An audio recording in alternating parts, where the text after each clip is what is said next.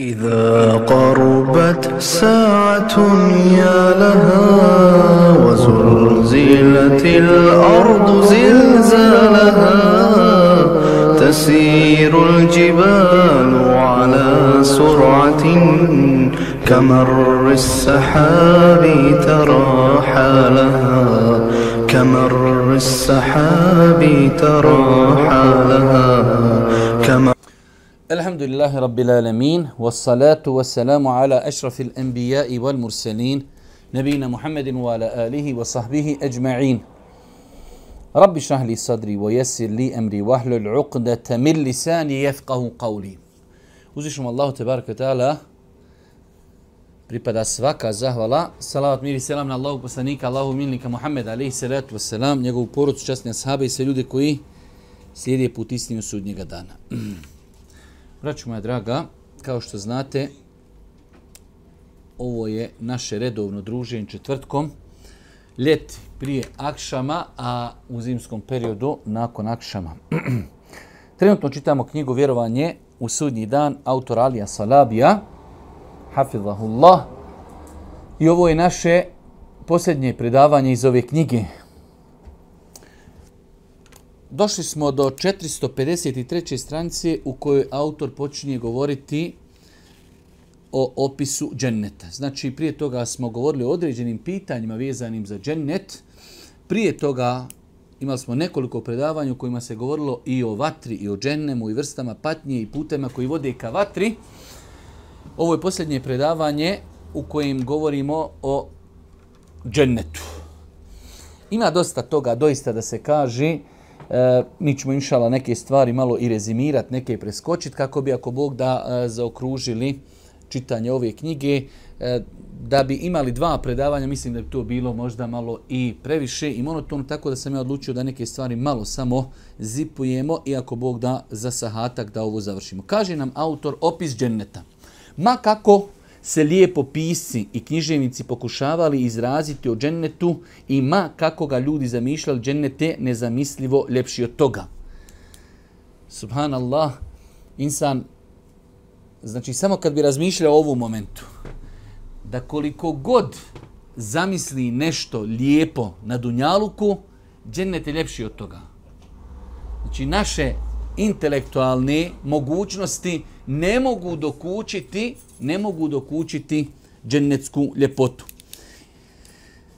Pa nam je autor počeo govoriti, vidjet ćete jednostavno opet, rekli smo, govor o ahiretu, o džennetu, o džennemu, mora biti zasnovan na kuranskim ajetima, a vjerodostojnim radisima Allahog poslanika.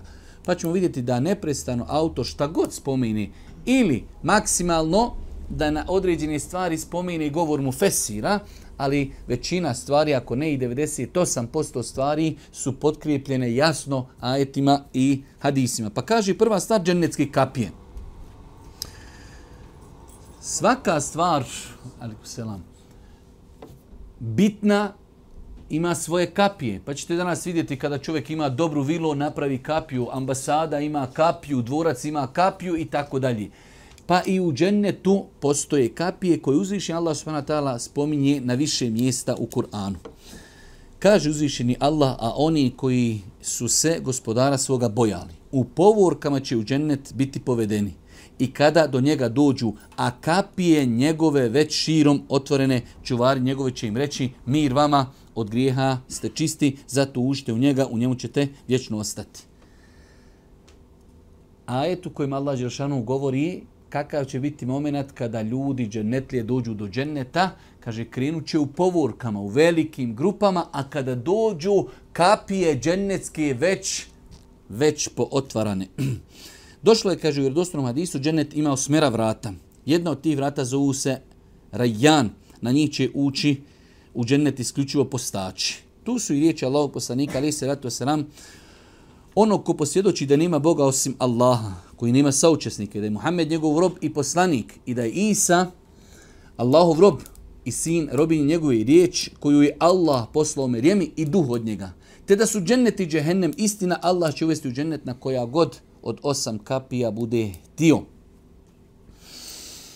Imaju drugi argumenti koji ukazuju da džennet ima osmera vrata. E, određena vrata imaju svoja imena, e, aludirajući da će na njih ući ljudi koji budu radili ta dijela. Pa imamo dijela, znači vrata posta, vrata namaza, vrata dobročinstva roditeljima, vrata džihada i tako dalje.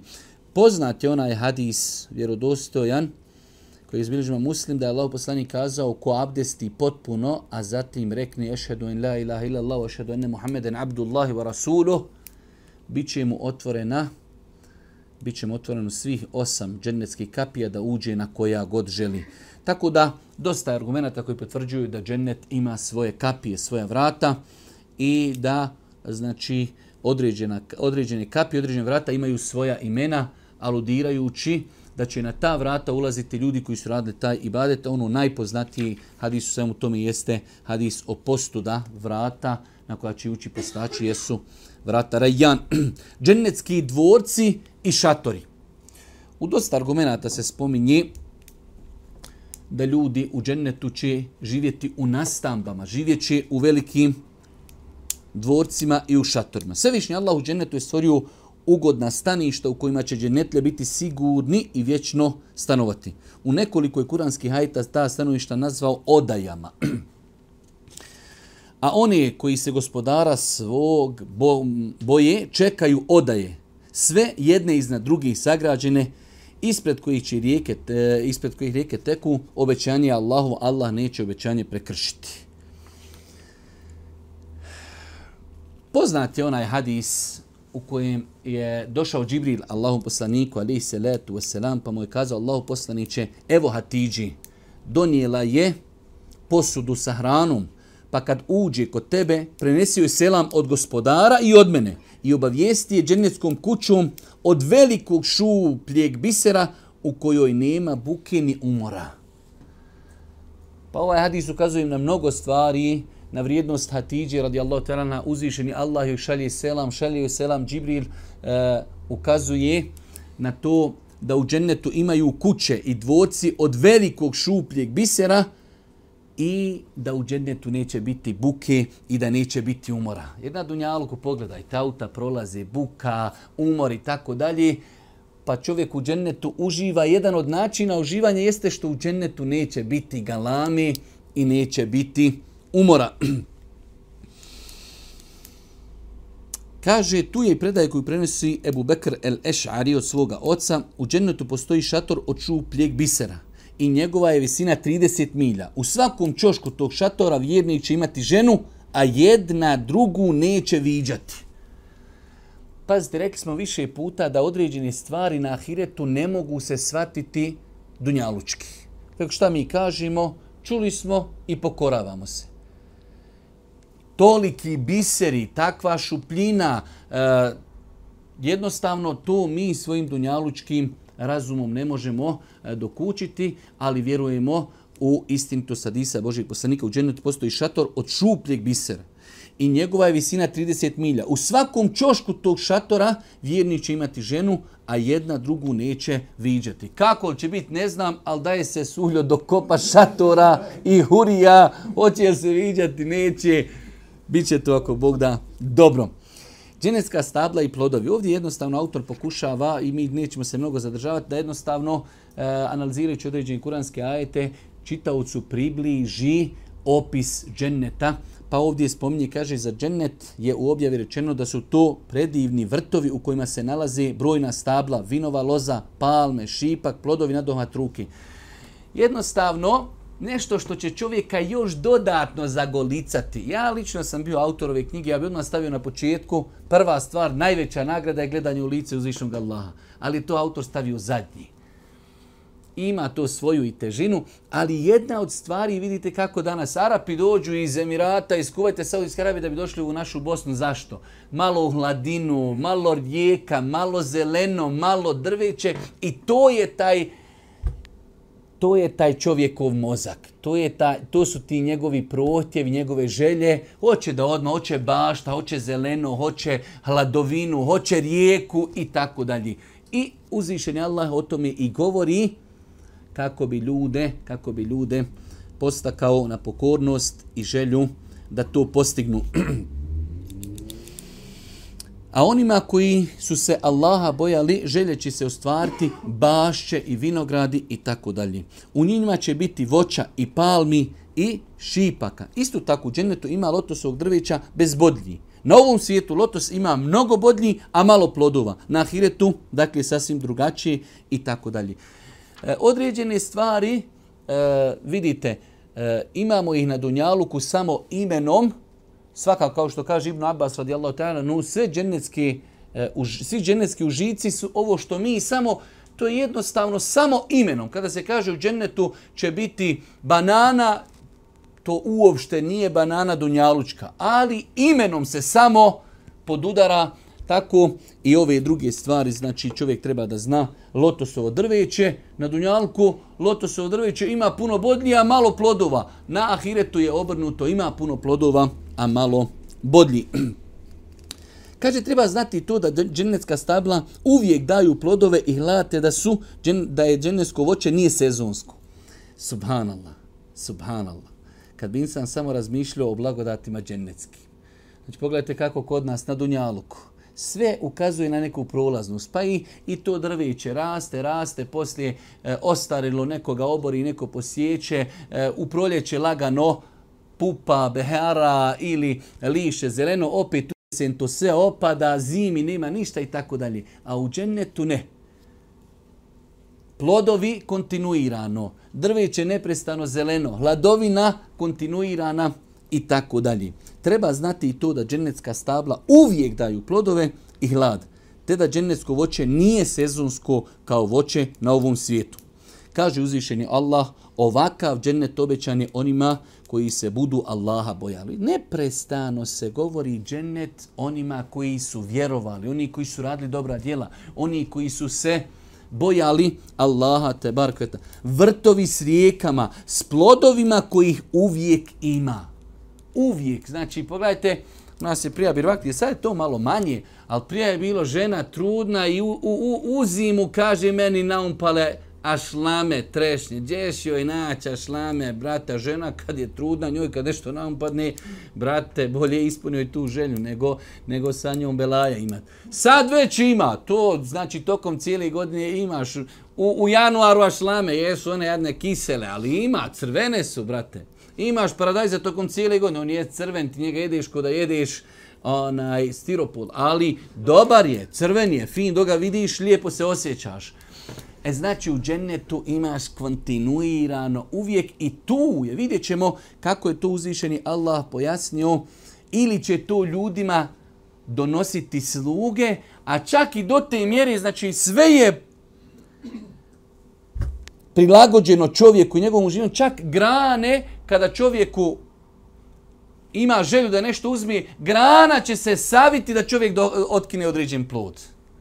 Znači ništa, samo što bi sanđaklije braća rekli, sjedi ćosaj, uživaj. Znači nemoj da ustaneš, sun da dofa, ne, ne, grana će opiti, samo uzmi. A ako i to nećeš, posluga će, posluga će donijeti. Allahu poslanik naveo je začudne karakteristike nekih dženeckih stabala. Prvo ti stabala jeste stablo čiji je hlad širok više od stotinu godina jahanja.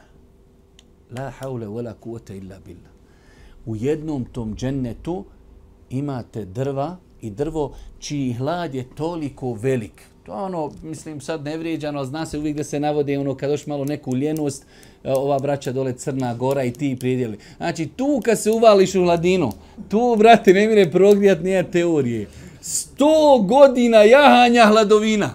I tu kad odeš tam, kad se nagneš u stablo, brate moj dragi, to je uži, uživancije.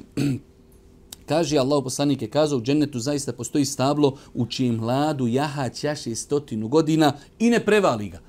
Znači ima još, ali sto godina je prolazio kroz njegove hladove.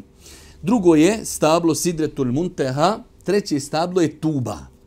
Vi znate da imate i hadise, uh, i više hadisa u kojima se spominje taj termin tuba. Čak ja mislim da je u nekim našim ilahijama da je to nekako ukompanovano drvo tuba. E, interesantno je da je to autor ovdje podskrijepio hadisom, kaže, neki se čovjek obratio u revijesniku, sallallahu alaihi sallam, pa kaže, blago onome koje je tebe vidio i povjerovao u tebe. I jes mu blago. Nema veće počasti od toga da je čovjek mogao biti ashab Božih poslanika, alaihi sallatu wasalam. Pa kaže čovjek Božijem poslaniku, blago onome koje je tebe vidio i povjeru tebe. Na, na tomu je Resulullah sam, sam kazao, tuba, blago se, pripada onome kom, kome je vidio i mene povjerovao. To je jedna nagrada, kaže, blago onome, tuba onome koje me vidio i povjerovao u mene. Ali pogledajte, zatim tuba i opet tuba i još jednom tuba pripada onome ko povjerovao u mene, a nije me vidio. Znači tri puta blago onome. I jeste, mnogo je, pazite sad, pravo moraš biti krkan da vidiš poslanika i vidiš mjesece po polovi i kaj, šta ja znam, brate, valo, ne znam ja ovo, nešto nije u redu. To mora da ti je zapečačeno srce, da si licemir, da si, da si keafir sad na kaci. Faraonu Vamidžići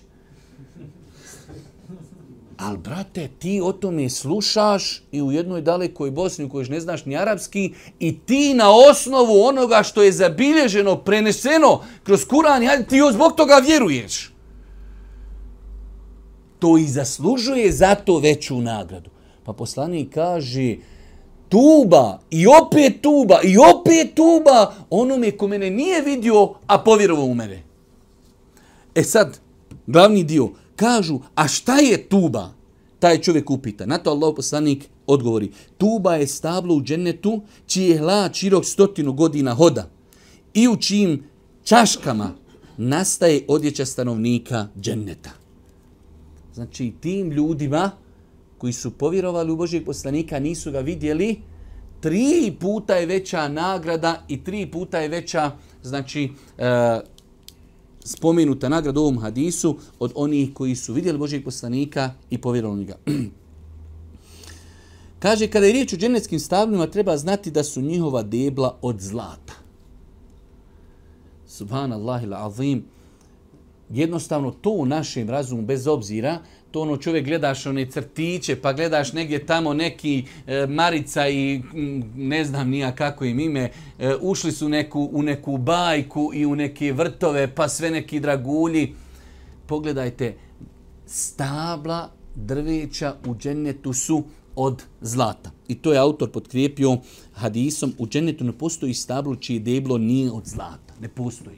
Znači sve je od zlata. A inače, pogledajte opet, percepcija dunjaluka hiret. Jer je čovjek na dunjaluku zlato, zlato, samo daj zlata, samo zlato. E onda gospodar, evo zlato, na svakom koraku zlato, biseri, hurije, ljepote. Znači ono što je čovjek čeznu na dunjaluku. Džennet će vječno postojati, nikada neće nestati, njegovi raznovrsni užici uvijek će trajati i nikada se neće prekidati. Stanovici dženneta u džennetu će vječno i zauvijek ostati, neće nikada otići niti oceliti, neće ih nestati niti će pomdjeti.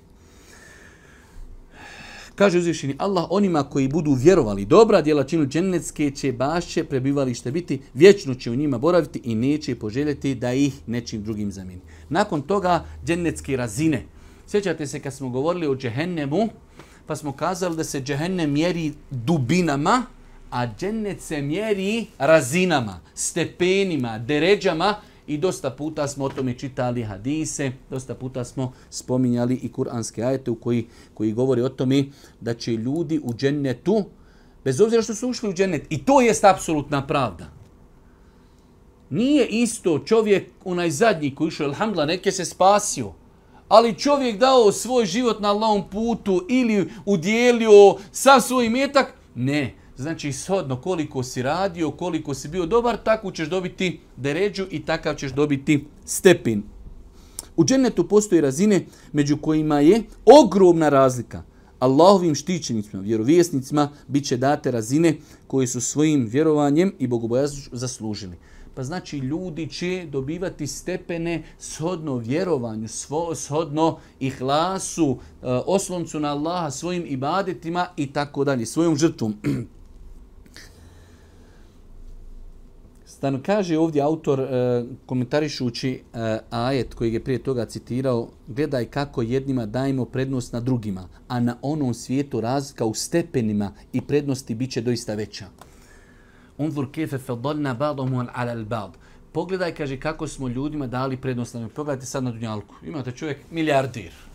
I pogledajte, čovjek bjeda, i ne samo da je bjeda, i dužan jadnik, on je još i u minusu. Pogledajte koje su to razlike među njima. Kaže Allah Đelšanhu, na ahiretu će te razlike u tebe biti još mnogo veći. Znači imate sad, milionijer, milijarder, ja sam neku noć na predavanju, koliko te cifre i ne znam, šta je biti milijarder? Hiljedu miliona da čovjek ima. La haule u la kuvata ila... Jedva ga Google skonta šta je čovjek. Da imaš 10 miliona, pa 100 miliona, pa 1000 miliona, brate, koliko taj čovjek ima para i on ne zna. E sad zamisli kolika je razlika između njega i nekog siromaha koji dole možda u Africi živi u onoj nekoj kućici od, od, od, od zemlje. Znači sve to vridi 10 dolara. Sav njegov imetak. Kaže uzvišeni Allah, gledaj kako jednima dajemo prednost na drugima. A na onom svijetu razlika u stepenima i prednostima bit će doista veća. Pa je Allah svojno tela apsolutno pravedan. I u džennetu u redu toliko si zaradio, toliko ćeš dobiti. Drugi odoši, odoši dalje. Pa kaže autor, a značenje sljedeći. Stanovnici dženeta razlikovaće u stepenima u većoj mjeri nego što se ljudi na ovom svijetu razlikuju jer su dženetske razine veličanstvenije od ovozemaljskih. kaže nam autor nakon toga ovo je jedna interesantna E, teza najveći na 465. 465. strana, zadnji red, najviši stepen u dženetu je Firdeus. Znači sad kako kreće onaj zadnji dole što je jedni kedva preko sirać uprije prišao i uletio u dženet, e, stepenovanje i vrh dženeta i sredina dženeta je Firdeus. Nekim ljudima je to bilo malo čak i teško nepojmiljivo shvatit, pa su to učenjaci pojasnili da je dženet u obliku kupoliji pa je Firdeus i na sredini dženneta, a i najveći dio dženneta. Pa je znači džennet kao jedna, jedna kupola stepeni, pa je Firdeus u sredini dženneta. Jer neki su hadisi došli da je Firdeus središnji dio dženneta, a neki da je najuzvišeniji. Pa kako? Pa su spomenuli mnogi islamski učenjaci komentaršujući ove hadise da je džennet poput kupoli i džennet na vrh te kupole je Firdeus, znači i u centru, a isto tako najuzvišenije mjesto. Iznad Firdeusa je Allahu prijestolje i iz njega izviru džennetske rijeke. Dakle, dakle Firdeus se nalazi u sredini dženneta i najuzvišeniji je njegov dio, što nas navodi na zaključak da je Firdeus u obliku brežuljka ili kupoli. Iz toga opet slijedi da je džennetski krov poput kupoli. E, Znamenitim u Fesir ibn Kethir zapisaju, takvu karakteristiku ima samo ono što je u obliku, u obliku kupoli, jer je vrh kupoli ujedno i njen središnji dio. Znači, ibn Kethir, rahmetullahi alih, je e, uspio da objedini te hadise koji govori u različitim kontekstima o džennetu i o Firdeusu, da je znači, oblik dženneta sličan kupoli, a opet uzvišeni Allah najbolje zna. Svakako, e, znači, vrh Firdeusa. Kaže se, najuzvišeniji stepin Firdeusa je El Wasile. To je ono što mi učimo posle ezana. Allahumma rabbe hadhi davati tame wa salati il qajme ati Muhammeden el wasile. E sad taj vrh gore, Firdeus, e vrh Firdeusa je el wasile, mjesto koje je samo Allah primio za jednog svog roba od Adima alaih selam do sudnjeg dana. Muhammed alaih selam kaže ja se nadam da sam ja taj rob. Džennetske rijeke. Kažu, u džennetu mimo rijeka od vode postoji rijeke od mlijeka i rijeke od vina i rijeke od procijeđenog meda. Vidjet ćete kako, kako je autor ovdje na jednom mjestu uh, lijepo spomenuo. Svakako, znate ovaj kuranski ajet i suri Muhammed, i suri Muhammed i Allah Žešanu kaže, zar je džennet koji je obećan onima koji se Allaha boje? u kojem su rijeke od vode neustajali. I rijeke od mlijeka nepromljenog ukusa. I rijeke od vina prijatne onome koji, koji piju. I rijeke od meda procijeđenog. Spomenuti su četiri rijeke sa četiri opisa sa negiranjem nedostataka koji mogu biti na dunjalku. Svevišnji Allah spomenu ovdje četiri rijeke isključuje mogućnost da bilo koja od njih sadrži nedostatak koji sadrži na ovom svijetu. Naime, na ovom svijetu voda se promijeni od dugog stajanja. Mlijeko se uslijed stajanja ukiseli i bude ljuto, vino je gorkog ukusa i ne prija onome koga pija, e, pije, a, nedosta, a nedostatak u medu jeste da bude, znači da nije procijeđen. Pala Žešan kaže, voda rijeke, ali friska voda, ne ustajala. Pogotovo, pazite, to nama u datom momentu i nije nešto izazovno ko Arapima. Kod njih voda, dovu prije 50 godina, uvijek je to u nekim bačvama, uvijek je to nešto vruće, uvijek je to nešto... Voda ne ustajala, friška, svježa. Dobro, mlijeko nije se promijenilo, friško isto, nije se ukiselilo. Vino, ja sam par puta ovaj aj, citiram na, na, na Facebooku, ljudi, znači kad pročitaju, jednostavno ljudi ne mogu, je li to kaj Kur'an? Ama ljudi, Kur'an, vino lezeten li šaribin, koje će biti ukusno. To je ime vino, da bi ti sam razumio sa svojim dunjalučkim mozgom, ali je ono slatko, ukusno, ne boli od njega glava, nisi mahmuran, ne činiš grijehe nakon njega. Sve suprotno ono dunjalučkom vinu. I na kraju kaže, rijeke od meda, ali procijeđen. I na dunjalku jedna od mahana meda jeste ne prozijen, piješ kad tamo neki trn uletio u grlu ne, na, na ahiretu rijeke meda procijeđen. Znači, savršenstvo u savršenstvu. Neč, neka čovjek pomisli o ove četiri rijeke i o tome da se sastoji od pića koja ljudima na Donjalu konzumiraju u najvećoj mjeri. Voda im naime služi za gašenje žijeđi i, či, i čišćenje, mlijeko za hranjenje i osnaživanje tijela, vino za užitak i radost, med za liječenje. Znači, Allah je šano dao ove četiri rijeke sve ono što je nama trebalo, sve nama što je trebalo na Dunjaluku. Dženecki izvori. Pa nam je ovdje autor spomenuo imena tih nekih izvora. E, izvor Kafur, pa izvor selsebil. Ovdje ima jedan duži hadis. Ne znam koliko imamo vremena e, da ga pročitamo. Hadis od Seubana na 170. stranici. U svakom slučaju savjetujem da ga pročitate. Treći izvor jeste tesnim. Kaže se na kraju Ibn Abbas imao običaj kazati voda svrela te s njim najljepšije piće koje će biti dato dženetljama. Allahovi bliski rovoj piće s njega nepomiješanu vodu. A sretniji sa razinom niže od njih piće pomiješanu vodu tesnim sa drugom vodom. Znači vi znate kada Allah Žešan u suri Al-Vaqa govori da imamo znači e, dvije vrste dženetlija različiti pa su jedni, tako se to prevodi na bosanskom, e, bliski Allahovi robovi, a drugi su sretni. Ovi bliski Allahovi robovi, oni će piti tesnim, ono onako baš originalan.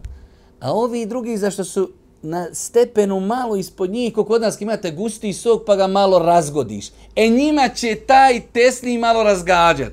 Niste vi na ovom levelu da to pijete originalno, malo ćemo vamo s vodom to, ma daje se dokopat dženneta, ali opet Allahova subhanahu wa ta'ala apsolutna pravda.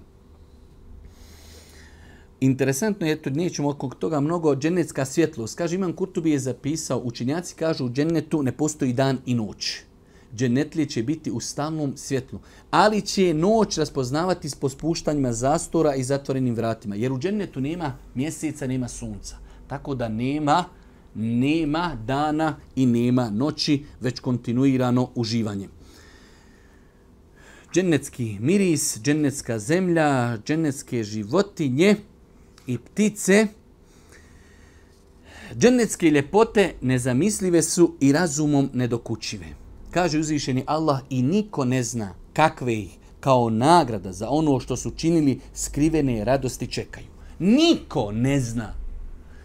Tu hadis kaže, Allah poslanik je rekao, pripremio sam svojim dobrim robovima ono što nikad niko vidio nije. Ono za što nikad niko čuo nije i ono što nikad nikom palo na um nije. Znači, ovaj naš dunjalučki mozak, procesor, niti je to vidio, niti mu je neko to mogao kao lingvističar, kao pjesnik, kao pisac dočarati da on to čuje, niti je mu to moglo pasti na, na um. Evo e, u redu, nisam čuo, nisam vidio, ali mogu ja to zamisliti. Jok. To je veće i bolje od onoga što mi možemo dokučiti učiti dunjalučkim, dunjalučkim razumom. Zato kaže uzvišeni Allah i niko ne zna kakvi kao nagled za ono što su činili skriveni razum stjeka. Ali šta kaj? I niko ne zna kakvi kao nagled za ono što su činili. Ovo je jedan od stotina i hiljada odgovora ti našim bošnjacima kažu dobro mi srce, neću klanjati, ne moram posti, čist sam i tako dalje. Kao nagrada za ono što su činili. Kao nagrada za ono što su činili Rekli smo prošli put, ne može se džennet zaraditi svojim dijelima, ali se može svojim dijelima zaslužiti Allahova milost, pa da zbog milosti uđemo u džennet. Ali čime se može izazvati milost? Imate troje djeci i dvoje djeci, neposlušna jedno poslušno. S kime je roditelj zadovoljan? Je li zadovoljan roditelj sa onim djetetom? Idi sine, ode. Babo, Allah te nagradi tako djete, drogeraš, grade, ubi babu i mamu i tako dalje. Pa Allahovu milost možemo zaslužiti pokornošću, ibadetom, iskrenošću, trudom, a rekli smo nemoguće je našim ibadetom zaslušiti dženet. On je mnogo skuplji od toga. Kaže se na ovoj drugoj stranče 477. u kuranskom ajtu sure Kef, u njemu, u džennetu će imati šta god zaželi, a od nas i više od toga. U ostalom, šta čovjek da misli o džennetu koje mjesto koliko zauzima jedan bić, odnosno jedan luk, jedna strijela, vrijednije je od ovog svijeta i svega onome što se njemu nalazi. Znači, vredosti na disma je došlo, znate bić, sad evo, to je ko neka kanđija, neka šprulja, nešto, ili strijela koju djeca koriste, igraju se. E, eh, to kad spustiš tu strijelu ili kad spustiš taj bić u džennetu, šta je on sad pokrio? Taj dio kojeg je on pokrio vrijednije od dunjaluka i sve što je na dunjaluku. I opet nas to opet uči da Dunjaluk ne zavrijeđuje, da se sa njim klackamo i da ne daj Bože zbog njega rizikujemo svoj ahiret. Pa čovjek kaj, ne mogu klanjat, ne mogu nositi hijab na poslu i dobro. Šta si zaradio na tom poslu? Je li vrijedi taj posao da zbog njega rizikuješ namaz, pa da zbog njega rizikuješ džennet? A u džennetu mjesto samo gdje stoji znači bić jedan ili strela, to mjesto vrijedi nego cijeli dunjaluk i ono što je na dunjaluku. I to je podkrijepio hadisom Božeg poslanika koji kaže prostor koji izuzima jedan bić u džennetu. Vrijednije od ovog svijeta i svega onoga što se na njemu nalazi. Kaže autor, također šta mislite o džennetu u kojem će neko biti uveden na trenutak te će zaboraviti sve e, nesreće i patnje koje je doživio. Mi smo ovaj hadis dosta puta citirali baš kao pokazatelj vrijednosti veličine dženneta, pa kaže Allah poslanik na sudnjem danu bit će doveden čovjek koji je živio najudobnijim životom na ovom svijetu pa će nakratko biti bačen u džehennem, te će biti pitan, sine Ademov, jesi li ikad vidio ikakvo dobro, jesi li ikada doživio nešto dobro, on će odgovoriti, Allaha mi gospodaru, nikad nisam vidio dobro, niti sam ga doživio.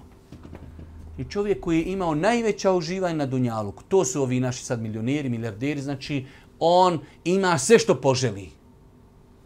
Samo ubacivanje, ulazak, sekunda u džehennem i povratak, sve će on to zaboraviti kao što će dženetlija zaboraviti sve one musibete, iskušenja i potvore i laži i bolesti i neimaštinu samo kad uđe u dženet. Ko će biti, ko će biti stanovnici dženeta? Ovdje nam je autor, ne znam, nekako je ovo i ubacio možda u datom momentu, uh, e, bespotrebno, znači u smislu definitivno znamo ko će biti stanovnici dženeta, ljudi koji su vjerovali, ljudi koji su postili, ljudi koji su klanjali, koji su e, slijedili Božje poslanika. Kaže, stanovnici dženeta bit će vjernici monoteisti koji na Dunjalku čini dobra djela isključivo radi Allaha. Znači misli se prvenstveno koji su bili iskreni i pritom, ustrajavajući u vjeri, koji ispunjavaju obaveze, koji ne krše obećanja, koji e, revnosno obavljaju ono što im je Allah zapovjeduju da obavljaju, koji strepe od gospodara, koji se plaše obraća na sudnjem danu i tako dalje. Dženetlije će prepoznati svoja staništa. Mislim da smo već o tome jednom govorili, da ljudi koji prođu sudnji dan, priđu sira Čupriju, da će ljudi znati mjesto koje je njima određeno bolje nego što su znali svoju adresu na Dunjalku. Znači mi smo to pojašnjavali, čovjek sad negdje ako je u Americi, pa on iz Amerike možda mora e, iz nekog grada letjeti do nekog grada, pa tek preletjeti preko okeana, možda u Istanbul, neki Frankfurt, pa onda opet letjeti u Sarajevo, e, onda će tamo iz neki jeli suljo šerića, neki rođak doći po njega sa autom da ga, ili će možda autobusom do Zencije, pa onda opet golfa upregni gore i na svoj plac u nekoj nemili u Šerićima ili Rovni. E, vidi kako on se iz Amerike preko okeana pa brodom, golfom na svoj plac. Zašto? Jer zna svoju adresu, zna gdje je. E tako će čovjek i bolje poznavati svoje mjesto u džennetu. Ko će u džennetu biti brojni muškarci ili žene? jedno interesantno pitanje, ali interesantno je zašto ovdje ovo autor govori? Zato što svaki čovjek će u džennetu imati minimalno dvije hurije. Pa ako će svaki čovjek imati minimalno dvije hurije, šta to znači? Biće žena više u džennetu nego muškaraca. Generalno gledajuću, e, ne u smislu, e, jer te hurije su stvorene za čovjeka, ali generalno kao populacija u džennetu biće više žena od muškaraca. Ali opet poslanik rekao da će biti više u džehennemu pa žena, mašala, one u hajru i u zlu, uvijek su uvijek prvi. Ima i kaže, tako je rekao Ibnu Hajar Eskalani, prema tome navedena dva hadisa mogu se uskati tako što će se kazati da će žena biti, da će žene biti brojnije i u džehennemu i u džennetu.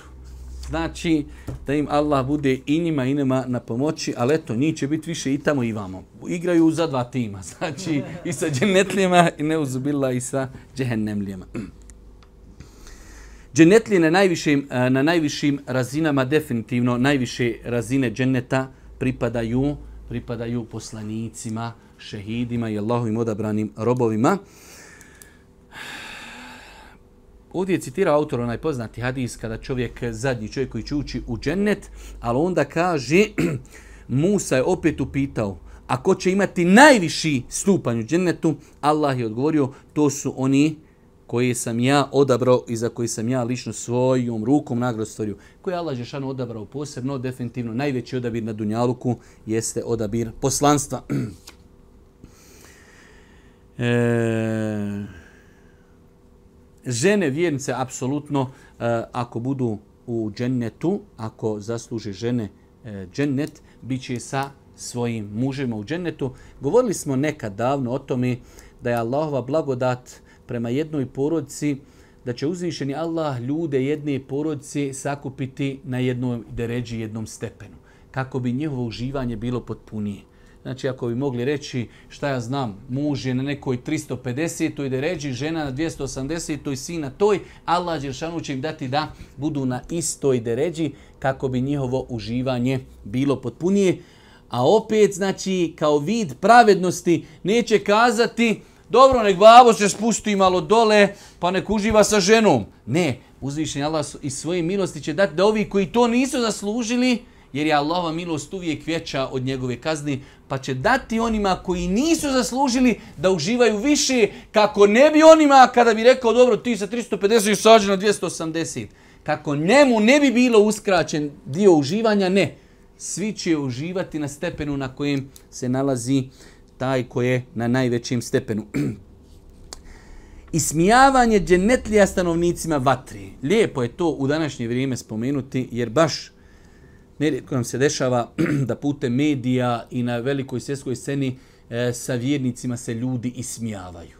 I to je, strpite se, kratkotrajno. Dunjalučki doće vrijeme kada će se vjernici ismijavati vjernicima sa nevjernicima i onima koji se s njima ismijavali, a što ono naš narod kaže, ko se zadnji smije, najslađe se smije. Nevjernici na ovom svijetu pokazuju nepretestvo prema vjernicima, rugaju im se i e, podrugivaju i e, podsmjehuju. Na hiretu bit će potpuno suprotno. Vjernici će dok budu uživali u nasladama posmatrati griješnik u vatri, smijati im se i rugati im se. Pa su oni poznati suri mutafifin, Allah Đeršanu kaže, dobri će zaista u nasladama boraviti. Z divana gledati na licima njih i prepoznaćeš radost, radost sretna života. Pogledajte kako je dženevsko uživanje potpuno. Vi znate sad kad sretniš čovjeka, idu dvojica ljudi i jedan, brate moj dragi, ti vidiš da je on cijeli dunjalki on izgubio. I ti prvo što pitaš, šta je, brate, sve mu lice govori. Drugi čovjek, sad znam čovjek, oženio se. Kupio auto, kuću, položio ispit. Ide, brate, sa 100 metra ti viš da je on vesel. Ko što vidiš i ovoga, i ovaj je vamo crni i on ide jadnik, iza njega ide, ko da ide onaj crni oblak iz kojeg gromovi gruhaju. Allah Đeršan kad upisuje džennetlike, na licima njihovim prepoznaćeš radost, sretna život. Samo dok džennetlju vidiš, njegovo lice ukazuje da on uživa. Pa kaže uzvišeni Allah da će im se, pa će pića za pečećenu piti, čiji će pečet mošu zbiti. I neka se zato natječu oni koji se hoće natjecati. Pomiješano sa vodom i te, snima će biti s izvora iz kojih će Allahu bliski piti. Griješnici se smiju onima koji vjeruju. Sad je ovo, sad govori se o džennetu, pa sad Allah Žešanu prelazi u jedan drugi kontekst pa kaže griješnici se smiju onima koji vjeruju kad pored njih prolazi jedni drugima namiguju. Ono. Brate, Nika, vid nogavice, vidi ga, brate, habija, plaće Ono, iza leđa, Allaha mi svevišnjeg, koda vidiš naše vrijeme. Kaži, griješnici se smiju onima koji vjeruju. Kad pored njih prolaze jedni, drugima namiguju. Hajde to, najmigle se, vidi budali, ono, znaš, ali haj dalje. A kada se porodca svojim vraćaju, šale zbijajući vraćaju se. Sad došli i koji, joj, šta sam ženo vidio, šta si imao? Žena pokla sam joj oči viri. Momak pustio bradu, zavrnuo nogavice, oborio glavu i tako dalje. Kada se porodca svojim vraćaju šale, zbijajući, vraćaju se kada ih vidi, onda govori, ovi su doista u zabludi dala. I ne znam, ja da leleta, kakav je to novi islam, što je, ovo je Bosna, ovo nije, Afgan, meni učeke, nije ovo Afganistan, pođu pa sam ja rekao da je Bosna Afganistan. Ti bi kaj htio da Bosna postane Afganistan. Pa kaže, i ne samo da se on s tobom šprda, da te zezan, još ti si u dalaletu, ba kako ti kao nisi kultura, nisi napreda, nisi civilizovan, ti se ženu zamoto, čoveče, vidi ovi odmotani, kulturni, na njih sliječu svi obadovi komarci, komarce, sve ostalo, na tu tvoj ne može čoveče s helikopterom ništa da sleti. Kaže, onda govori, ovi su doista zalutali a oni nisu poslati da motrine. Allah kaže, ama halo, pa vi ste se okupirali nečim što niste zaduženi. Niste vi poslan da motrite na telju. Evo, oni su dalaletu. Ama, pusti ljude. Za sebe se sikiraj, gdje si, šta si, šta radiš, žena, dijete, ti, nafaka, namaz i tako dalje. Uama ursiru alehim hafidhin. Uama ursiru alehim hafidhin. Niste vi ba poslani da, da, da nadgledate, da pišete postove i da pišete novinske članke o tome. E, sad dolazi. Kaži, danas će se oni koji su vjerovali nevjernicima se podsmijavati, s divana će gledati. Zar će nevjernici biti drugačije kažnjeni nego prema onome kako su postupali? Danas, na sudnjem danu, dženetlije gledaju te koji su se juče sa njima ismijavali, a opet Allah pravedan kaže, kaži, A hoće li biti kažnjeni? Hel thuvibel kufaru. Hoće li biti nagrađeni i kažnjeni? Osim onako kako su zaslužili. prvaci među stanovnicima dženeta rekli smo da su prvaci e, poslanici. E, nakon toga definitivno najbolji ljudi u historiji čovečanstva jesu ashabi Allahu poslanika alihi salatu wasalam. Imamo vjerodostojne hadise u kojima Allahu poslanik alihi salatu wasalam za života ljudima obećao dženet. Zamislite situaciju da imate čovjeka i sjedi čovjek pored tebe i ti znaš da je on džennetlija. Još je veća situacija da ti znaš da si džennetlija. Pa je kazao Allah poslanik Ali se letu se nam Ebu Bekr je džennetlija, Omer je džennetlija, Osman je džennetlija, Ali je džennetlija. Ovo je na hadis o desetorici ashaba koji su u jednom hadisu obratovani džennetom. Talha je džennetlija, Zubeir je džennetlija, Abdurrahman ibn Auf je džennetlija, Sad ibn Ebi Waqas je džennetlija. Uh, Sa'id ibn Zaid je džennetlja i Ebu Ubejde ibn Đarrah je džennetlja. Nakon toga autor nam spominje i s druge strane žene koje je Allah poslanik spomenuo kao najbolje i najvrijednije žene, eh, predvodnice žena u džennetu. Osim Merjemi, kćerke Imranovi, prvakinje žena u džennetu bit će Fatima, kćerka Božih poslanika, Hatidža, njegova supruga, Asija, žena Faraonova. Uh, E, interesantno je spomenuo autor ovdje i on je to mišljenje preferirao da je Merjema, čirka Imravona, najbolja žena uopće.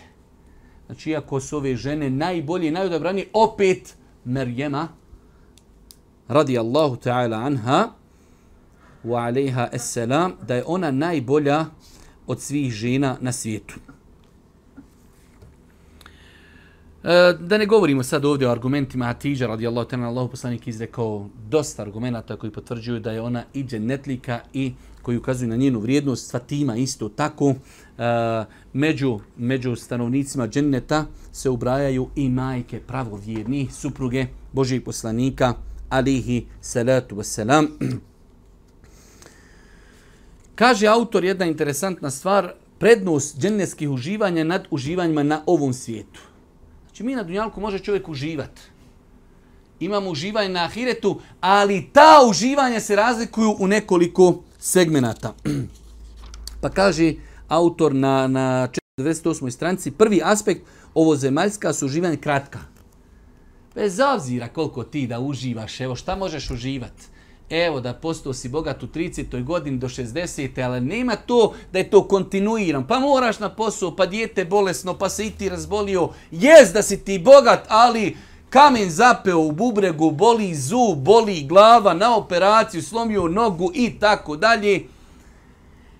A bez obzira, evo, čitav život 60 godina i gdje? U kaburu. Pa su Dunjalučka uživanja bez obzira, kratka, a ahiretska uživanja su dugotrajna i vječna. Drugi aspekt, ahiretski su užici bolji od dunjalučkih. Znači sve što je na ahiretu bolje od dunjalka. Pa na dunjalku i da uživaš, bolje je i kvalitetnije uživati na ahiretu. I autor je ovdje spomenuo dosta argumenta koji govori uh, u tom segmentu i u tom aspektu da je uh, ahiretsko uživanje bolje. Treći aspekt za razliku od ovog svijeta u džennetu ne postoji ništa što bi umanjilo užitak i pokvarilo raspoloženje. Evo, to smo malo prije rekli. Znači, ti na dnjalku možda i kad uživaš ima nešto što ti pokvari raspoloženje.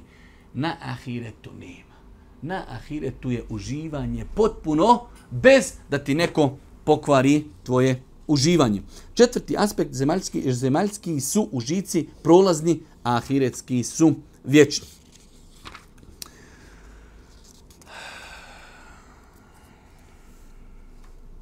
Kaže, naslade u kojima će uživati stanovnici dženeta, 504. stranica, ovaj hadis želim samo da citiram. Džabir radijalom pripovjeda, čuo sam Allah poslanika da kaže, stanovnici dženeta jesće i pit, ali neće pljuvati, niti mokriti, niti obavljati veliku prirodnu potrubu, niti će se osekivati. Znači, čovjek na ahiretu neće imati nikakve, čak ni tjelesne mahane.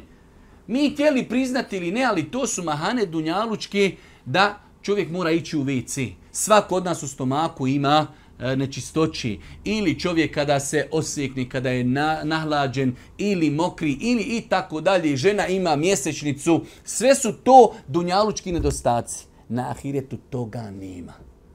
Uživancija, čovjek jede, uživa, nema takvih problema. Ali šta? Kažu ashabi, ashabi upitaši, a šta će biti s ranom? Na što je Allah u kazao što se tiče hrane koju su pojeli, nije će se osloboditi podrigivanjem i znojenjem, a znoj će mirisati na mošus. Vidite kako je Allah dao da će hranu koju ljudi konzumiraju, da će izlaziti putem znojenja, a opet znoj miriši. Savršenstvo u savršenstvu bit će nadahnuti da Allaha slavi i da ga hvali kao što su nadahnuti da dišu. E sad autor ovdje govori hrana dženetlija, pa smo o tome malo smo i napomenuli, da će hrana biti na dohvat ruke, donosit će je donosit će je e, mladići godina isti koji će neprestano služiti ljude. Pića, rekli smo, med, mlijeko, e, i ona pića koja smo spomenuli u različitim u različitim uh, onim kontekstima. Ovdje autor na jedan lijep način napravio komparaciju dunjalučko vino i ahiretsko vino. Je li to neko da nekuca? Nije. Kaže, ovo svjetsko vino nije ukusno njegov konzumira, izaz, e, njegov konzumira izaziva glavobolju, pomuti razum prilikom njegovom konzumiranja, galami se i govore se ružne riječi, pa šta više i bez toga i nije ukusno. Njegovo konzumiranje navodi čovjeka na činjenje grijeha. Oni koji ga piju ne sustežu se od činjenja ni onih najvećih grijeha koji imaju za posljedicu Allahu srđbu i tako dalje. A ovih, kaže, pet negativnosti, ni jedna od tih negativnosti nije prisutna u tom vinja, uh, vinu ahiretskom. Posude, uh, ono što je mene interpret, uh, što me je zadivilo kad su u pitanju posude, kada je u pitanju uh, piće, kaže u džennetu će ljudi uživati na način da će džennetske posude biti prilagođenjivim potrebama. Jer vidite kad čovjek dunjalučki gleda, uh, neko donese čašicu malu, a ti žedan, brate moj dragi, popio bi dva litra. Nema tu uživanci. I obrnuto. Ti ono kričeš, daj malo vodi, nosi čovjek volku u kriglu. Ti ono i kad popiš, kad vratiš, ni, u džennetu će posude biti prilagođene čovjekovoj potrebi. Pa onaj ko želi malo vode dobit će manju posudu koja je vrhom puna i kad je popije, Znači da je to vid uživanja da će posude biti prilagođene čovjekovoj, čovjekovoj potrebi. Kaže Allah Đerašanu stanovnici dženeta bit će e, e, služeni i srebrenih čaša koji su prozirne. Kažu islamski učenjaci, to je jedna od stvari koja na Dunjalku ne postoji. Srebrna čaša prozirna. Na Dunjalku je nešto srebrno, može li biti prozirno? Nemoguće. Znači, srebro ima svoju boju kao ono, smeđe nešto na ahiretu srebrene čaše, a u isto vrijeme i prozirne. To je jedna od stvari koja nima na dunjaluku, a ima na ahiretu. Odjeća i nakit postelje, čili mi. Autor je doista mnogo lijepih stvari spomenuo. Mi ćemo to sve preskočiti. Okupljalište. Kaže Allah poslanik Ali se ratu sam rekao u džennetu postoji okupljalište na kojem će džennetlije dolaziti svake sedmici. Zapuhaće sjeverni vjetar i zapuhnut će njihova lica i odjeću, pa će postati još ljepši. Znači, dženetlije, muškarci otišli da se okupljaju, imaju taj neki svoj sedmični skup, pa će vjetar puhnuti u njih, pa će im to povećati ljepotu. Ali pogledajte Allahovi milosti, vraći se svojim porocima još ljepšiji. I one će reći, tako nam Allaha, nakon što ste otišli, još ste ljepši postali. A oni će reći svojim porodcem, tako nam Allaha i vi ste, nakon što smo otišli, od vas još ljepši. Subhanallah, pogledajte uživanja, odu jedni šenovi porodice, okupe se, vraćaju se ljepši, zatiču svoje porodice još, još ljepši. Privodi nam se kraju, a nećemo imati kad, kad je najbitnije da pričamo o hurijama, nećemo imati pričati o hurijama. kaže dženecke ljepotice. Kako bi dočarali ljepotu Hurija sve moguće, Allah navio je tri poređenja koja se odnosi na njih. Ovo je malo i teško čap i Arapima shvatiti. Znači, uzviši Allah dženecke ljepotice uporedio je sa tri stvari koje su Allah najbolji znao u datom momentu možda i Arapi tog vremena razumjeli. U današnje vrijeme to možda malo i kaže jedna od poređenja jede Bejdul Meknun. Meknun pored njih će biti one koji će preda se gledati. To možemo shvatiti. Žena kad preda se gleda, to je pokazatelj stida. Znači, e, svojstvo hurija jeste da će gledati preda se. Očiju prekrasni, kao da su one jaja pokrivena. Bejdul meknun. To je za Arape bio jedan e, hajde da kažemo, stilistika, način ukazivanja na njihovu ljepotu, bijela, lijepa jaja i još sakrivena, zaštićena. Iako je neki, neki su mu fesiri ove riječi uzvišnog Allaha, Bejdul Meknun, e, tumačili kao da je to biseri u školjkama. Znači, toliko su lijepe kao što su lijepi biseri u školjk, školjkama.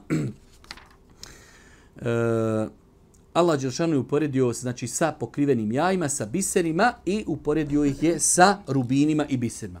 Moralne karakteristike hurija, hurije će gledati predase. U njima će biti one koje predase gledaju. Uzvišnji Allah opisuje hurije na način onako kako čovjek voli. Ko voli ženu? Pa lijevo, pa desno, pa gleda li ona sad tamo u... Uh, u muškarca ili gleda ili gleda u neki izlog jel šta na sniženju ili nije. Ali kad vidi žena gleda, preda se, znači čedna a, i a, e, žena koja se posvjetila svome mužu. Svi mu fesiri na stanovništi su da kuranska konstrukcija kasirotu tarf ukazuje na to da će hurije gledati isključivo svoje muževe i da neće željeti druge muškarce. Znači, gledaju, preda se, zadovoljna, njen muž njega najviše voli i time je zadovoljna. Hurije su mile svojim muževima. Znači, i vole ih i oni njih voli. Hurije imaju lijepo ponašanje i moralnu čistotu. Tjelesne karakteristike hurije su daleko od svakog tjelesnog nedostatka. O tom smo malo prije govorili, znači kada je u pitanju bilo kakav tjelesni nedostatak, hurije će biti uh, daleko od bilo čega. Hurije imaju krupne oči, hurije su vršnjakinje. Kaže uzvišenje, Allah pored njih će biti hurije istih godina koje će preda se gledati. Neki mu fesiri kažu da će i hurije u džennetu imati 33 godine, ali mu fesiri ovdje kažu hurije će imati isti broj godina i bit će iste ljepote. Među njima neće biti starica. Uh, Ovdje se znači želi kazati to biti djevojke mlade, ne tamo neke nene jadna izrađale se, izlomile se, radile, kopale, da su mlade, da su mlade. To je, hajde da kažemo, neka osnovna poruka uh, ovog opisa. Među njima neće biti starica, čija ljepota je nestala, niti će one biti istrpljene rađanjem, pa ne mogu podnositi intimni kontakt. Hurije su djevice hurije su svašta su hurije. Da nam Allah podari hurije. ono što je, što je za kraj i time ću inšala evo i završiti ovo naše predavanje, ja pogledajte kako je subhanallah Allahova milost prema ljudima velika.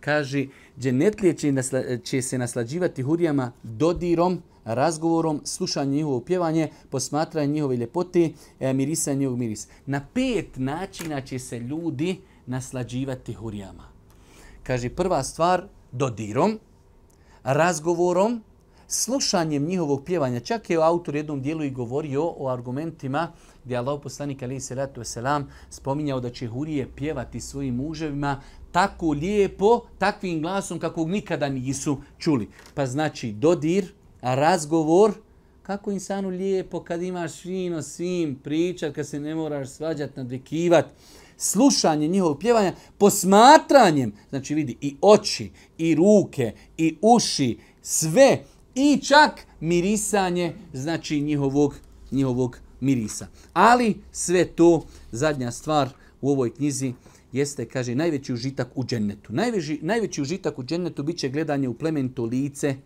Allahovo lice.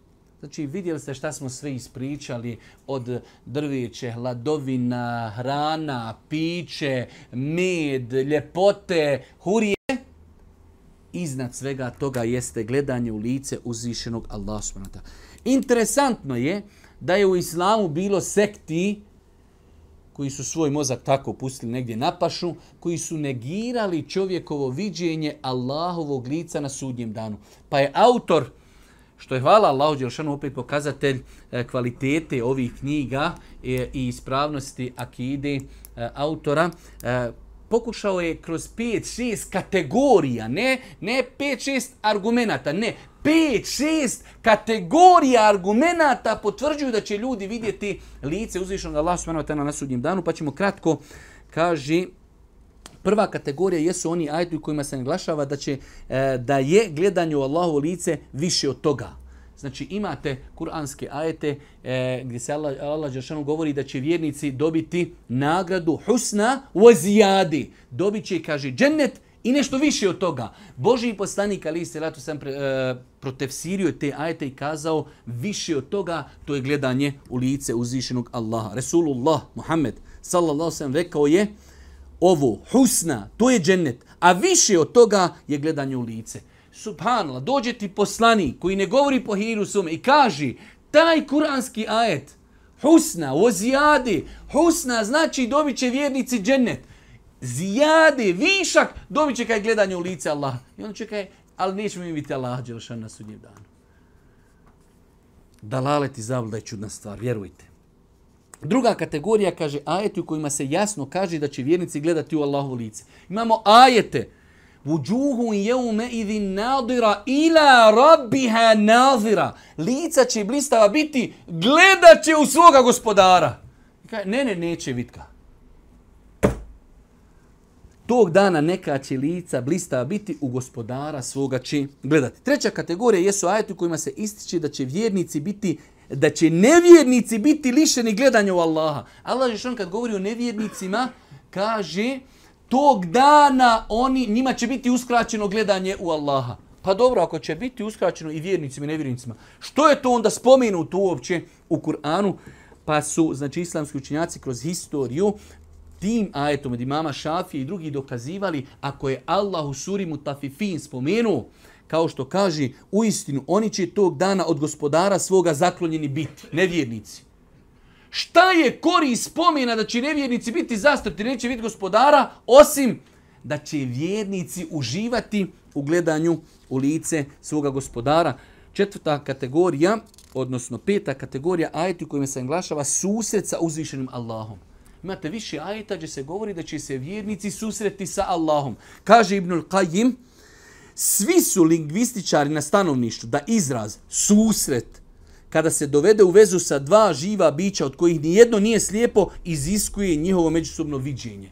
Pitaš koliko je bitno poznavati arapski jezik? Ako u arapskom jeziku kaj ja sam nekog susreo, to znači da si ga vidio. Pa su islamski učenjaci, iako ne treba nam pored toliko hadisa, pored toliko ajeta, ali to su načini dokazivanja uh, kaže šesta kategorija su poslanikove hadisi o viđenju Allaha uzvišenog.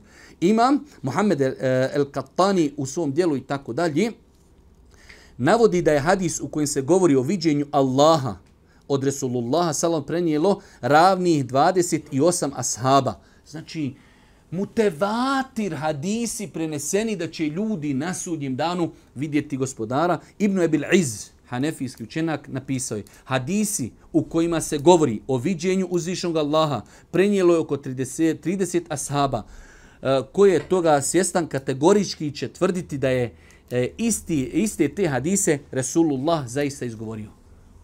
30. ashabat kaže, rekao je to Boži poslanik, kaže, ko u to vjeruje, on će reći, to je Allahu poslanik kategorički i kazao. I za kraj jedan od tih hadisa, Kaže, neki su ljudi za vrijeme vjerovjesnika, sallallahu alaihi sallam, pit Allahu poslaniće, hoćemo li vidjeti Allaha na sudnjem danu? Pogledajte. Jasno, pitanje, jasan odgovor. I dođe dalalet, zablude, kaže, ne, nećemo. Allahu poslaniće, hoćemo li mi vidjeti Allaha na sudnjem danu? Da, vidjet ćete Allaha na sudnjem danu. Šta ti radi dalalet i zablude? Pa kaže, predstavlja li nam poteškoću vidjeti sunce kad je vedro? Misli se, znači vidi vedro, nebo i sunce, napu, možeš ti vidjeti, ne da u da gledaš u sunce, a vidiš li sunce? Pa kaže, ne predstavlja nikakav problem. Predstavlja li vam problem na veći, kada je mjesec pun, nema ovla da vidite mjesec? Pa kažu, ne predstavlja kaže, predstavlja nam poteškoću vidjeti mjesec u vedroj noći, ušta pa sabi, rekoši, to nam ne predstavlja poteškoću. On tada kaza, neće vam predstavljati poteškoću ni da vidite Allaha na sudnjem danu, kao što vam ne predstavlja poteškoću vidjeti sunce ili mjesec.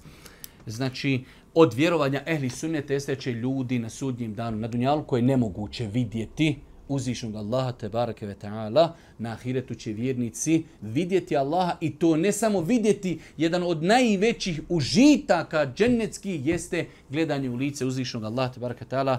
Allah subhanahu wa ta'ala molim da nas počasti da budemo od onih koji će gledati u njegovo plemento lice. Subhanak Allahumma bihamdike, šedun la ilan stakfiruke, ve tubu ilik.